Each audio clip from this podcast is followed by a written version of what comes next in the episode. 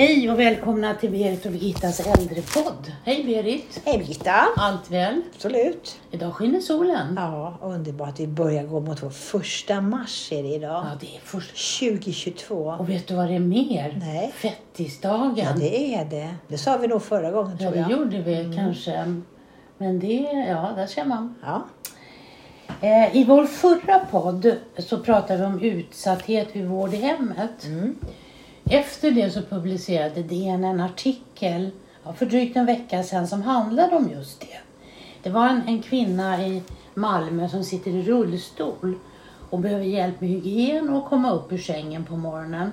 Hon säger att ibland eh, kommer inte personalen och hon, hon säger att det känns som man är överflödig. Mhm.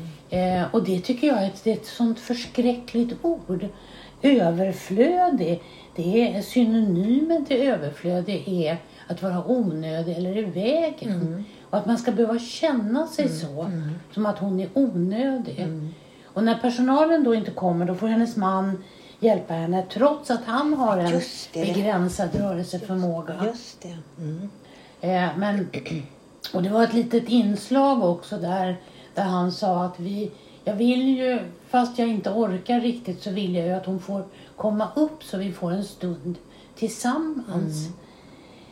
Men jag tycker det var tufft det här, det var tufft att höra att hon kände sig överflödig. Det är fruktansvärt sorgligt Mm. att man idag 2022 som äldre och vårdkrävande eller vårdbehövande ska känna det. Mm. Det borde ju vara en självklarhet att man ska känna sig som en del i samhället. Ja. Att jag har gjort mitt men just nu behöver jag er hjälp.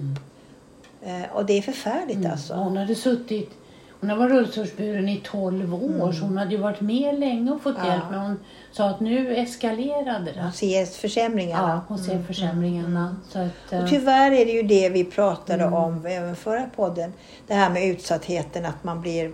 Och senast idag hörde jag på radion att det var en äldre man som hade dött på ett äldreboende för att eh, han hade fått... Han skulle ha lättpasserad mat.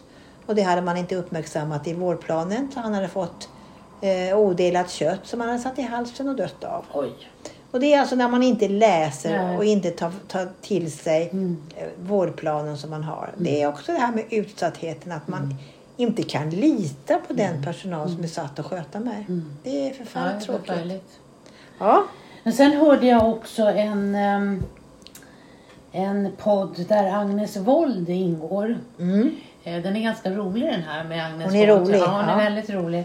Och där var det en, en äldre kvinna, en 80-årig kvinna som skrev in ett mejl till dem och skrev att hon hade tröttnat på att laga mat. Okej. Och hon äter mackor med ost, filmjölk, gröt, glass och frukt och kokt ägg. Och så frågar hon då Agnes Wold om vad, vad det var som saknades i den här.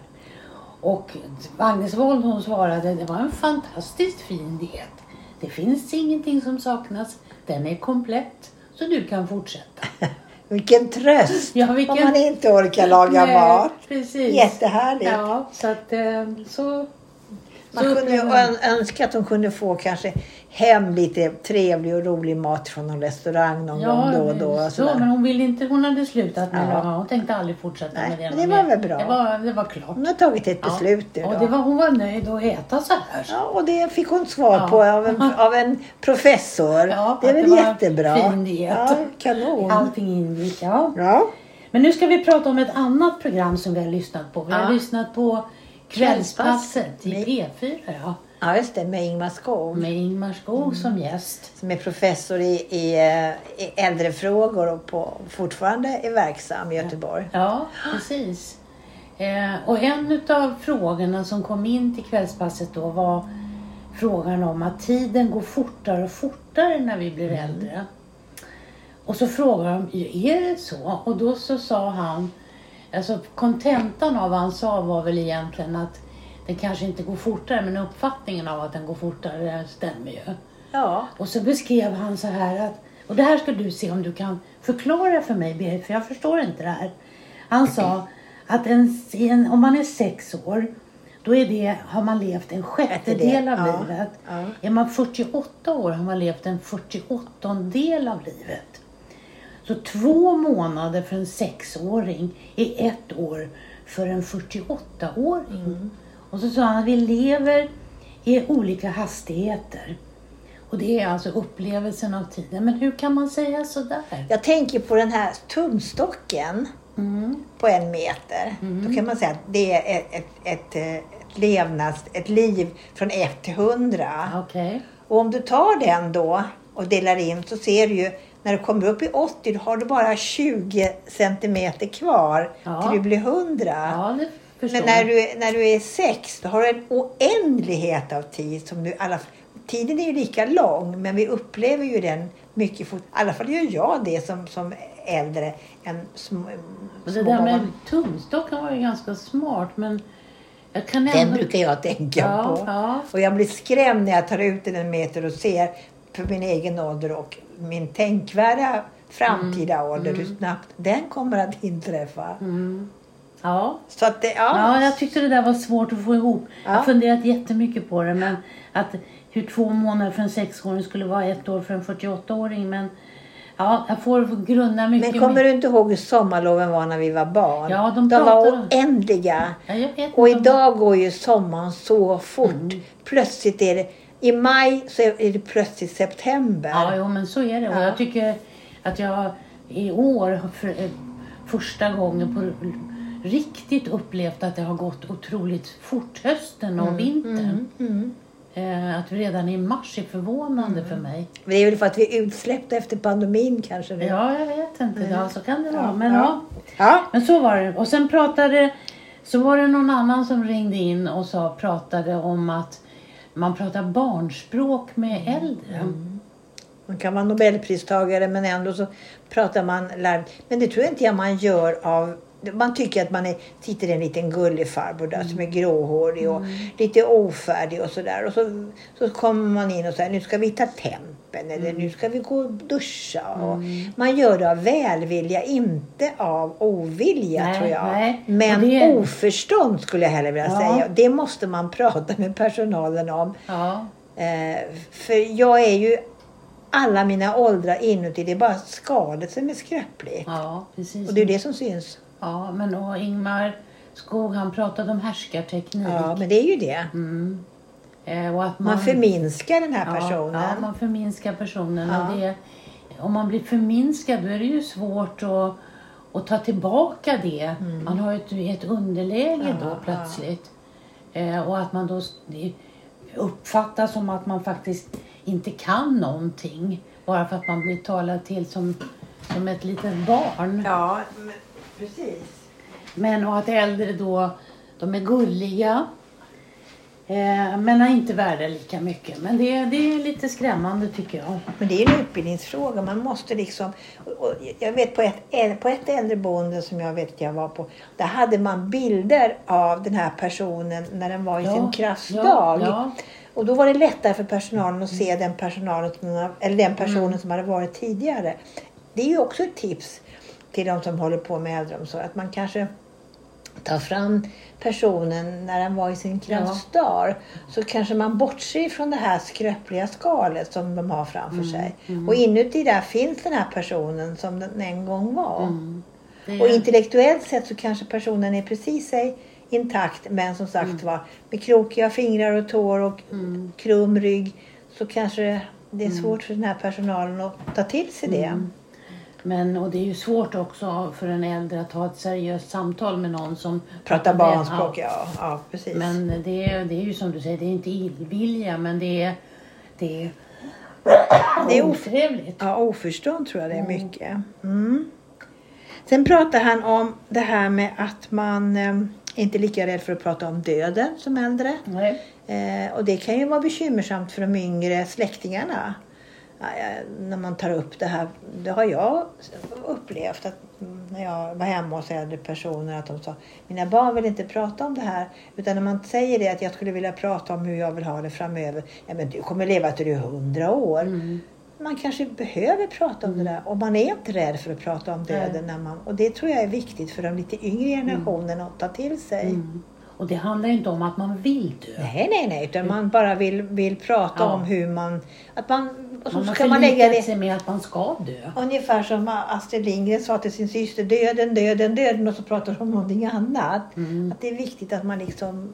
Så gör man klart det. Mm. Och idag gör ju folk fullmakter och framtidsfullmakter Mm. för att liksom gö- göra klart för det så att man slipper kanske eh, onödiga Mm. överraskningar när, man sen inte finns kvar längre. Nej, och det är ju svårt med de här existentiella frågorna. Eh, alltså även för personalen. Mm. Därför att jag tror att många vill ju i livets slut prata om det. Absolut. Vad blev det av mitt liv? Och är man då själv rädd för döden Mm. som personal, vilket jag tror inte är speciellt ovanligt, så är det svårt och, och då kan jag förstå att de samtalen blir svåra. Ja, de blir svåra. Ja. Ja. Sen pratade de också, det var en man som ringde in och frågade om bastubad som äldre. ja, just det. Och den här mannen han var ju extrem för han badade ju ungefär 200 gånger på ett år bastu. Och han var äldre och ehm, då sa Ingmar Skog att eh, så länge du är hjärtfrisk och inte mår dåligt och dricker ordentligt så är bastubad ingenting att avstå ifrån. Nej. Eh, så det kan man fortsätta med även 200 gånger om året. Det låter som nästan varje dag det. Ja, det är ju var- åtminstone mer än varannan dag. Ja, precis. Så att, ehm, ja. Sen pratade de ju också om det här med, det var någon som hade frågat om vi var mer lättlurade som äldre. Mm. Eh, för nu kommer det ju upp alla de här eh, Ja, lättrogna pratar de om. Ja, alla de här som blir lurade på Ja. bedragna med Ja. sina kort och nät och de ringer upp och sådär. Och, och oftast så är det ju människor som är 80 år och däröver som de här bedragarna ringer upp. Mm.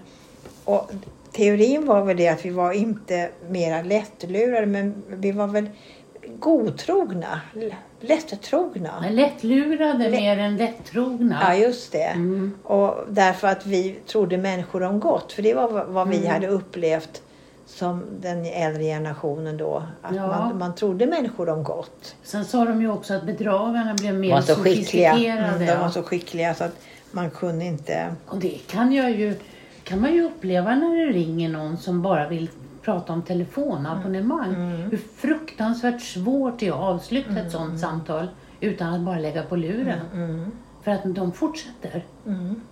Eh, Jag hade ett sånt samtal häromdagen när de ville erbjuda mig ett nytt abonnemang från ett annat telefonbolag och jag fick inte henne att sluta. Nej. Då ska du göra som, som hon...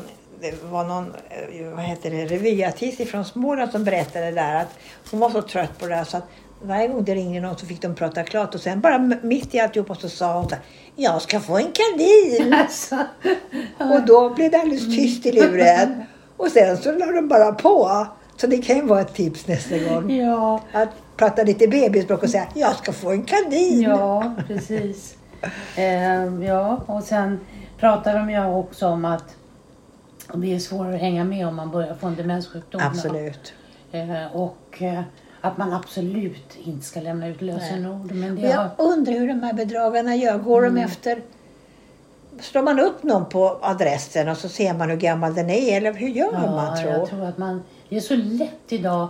Det är så lätt idag att slå en adress och så får du fram vilka som bor i det huset. Ja, ja. Eh, och det, så det, jag tror att det är så de gör. Det är lite obehagligt. Det är mycket man, obehagligt. Om man bor till exempel lite ödsligt i ett hus så kan man precis se vart de bor, hur huset ser ut, Kartan vilka som bor där, Ja. hur man tar sig dit. Ja, Det är alltså, man är ju oerhört utlämnad. mycket utlämnad. Ehm, ja. Mm. Sen var det någon som frågade också när man blir äldre. Mm. Och då sa Ingmar Skog att när pensionsåldern bildades, när man var, alltså pension får man ju från 65 Ja. Eh, idag är den ju höjd så att man kan jobba till 67 och man kan ju ta ut förtidspension. Men den normala är ju 65 fortfarande. Den var, kom redan till på Ja, 1880-talet. ja, Bismarck ja. Ja, det hade jag ingen Inte aning om. Inte jag heller. Att det var så gammalt. Då hade man, det var då man införde så att säga begreppet Mm. eh, pensionär eller äldre person, 65 år. Och det var som sagt Bismarck som införde det. Ja, och sen så sa han att det är svårt att svara på det här med när man är äldre därför att det är så olika. Då. Det är så väldigt olika. Det finns ju ingen, finns ingen gräns. Ibland pratar man om 70, ibland pratar man om 80. Mm. Men vi vet ju, och som vi har sagt i tidigare podd, att över 80 så får man ju inte vara med och svara på enkäter. Så man, någon har väl sagt att där är Då man, är man för är man gammal. för gammal. Precis. Ja. Så är det. Sen kom de också, var någon som frågade varför, varför dör kvinnor senare än män? Mm. Det var någon man som ringde in om det som bodde på något äldreboende som tyckte det var... Ja, han bodde på ett seniorboende. Ja, så var det ja. Mm. Och som tyckte sig märka det här att när mannen, alltså att det var för ett kvinnoöverskott Ja. på det här boendet. Eh, och så undrar han liksom varför, varför är det så? Och då resonerar de lite kring det här och sa att ofta är det ju så att kvinnan är lite yngre än mannen. Eh, och hon har ofta ett ehm, eh, större socialt nätverk än vad män har. Och sen så, och det kan, så kan det ju vara, att kvinnor har varit med i lite mer föreningar och kanske i ja, olika sammanhang där det är mycket kvinnor. Och, när, och sen har hon ofta tagit en väldigt stor del i mannens omvårdnad i slutet innan han dör. Så när, när hon blir ensam, då är det som hon lever Hon upp bara lite fortsätter. grann. Ja, och sen så har hon oftast, i alla fall i den generationen som, som finns idag som räknas till de Mm. äldsta, haft hand om hushållet och hon fortsatte bara där hon slutade. Mm. Eller där de, deras gemensamma liv slutade med mat och allt det här. Vilket mannen kanske blev ganska handfallen. Ja, ja. Och jag vet att det har funnits studier till exempel när man söker hemtjänst som ensamstående. Så får män oftast mera hjälp av biståndsbedömarna än kvinnor. Eh, och det kan ju vara ett av skälen att man anser att kvinnorna klarar sig rent praktiskt hemma om, det nu, om man nu jämför. vad de- Och sen var det någon som, som eh, det var någon studie man har gjort att när kvinnan dör så blir, ökar dödligheten hos mannen. ja. Medan när kvinna, kvinnan lever oftast längre eh, än efter mannens död. Som du sa, att de har nära vänner och, kvar, har ett socialt liv kvar. eh, Vilket männen oftast inte har. Mm, mm. Eh, Ja, Så det är ju värt att tänka på att även män skaffar sig någon form av socialt liv då. mm, mm. Eh, Och, inte, och har kompisar som man kan umgås med. och det man tror jag, tror jag den generationen som lever idag inte har. Nej, nej. Utan de har levt för jobbet Mm. Och sen för familjen och sen till slut för frun då som enda partner Mm. och kanske några nära vänner. Men oftast är det kvinnans vänner som Mm. de lever tillsammans i par. Och dör männen omkring dem så blir de ganska ensamma. Mm.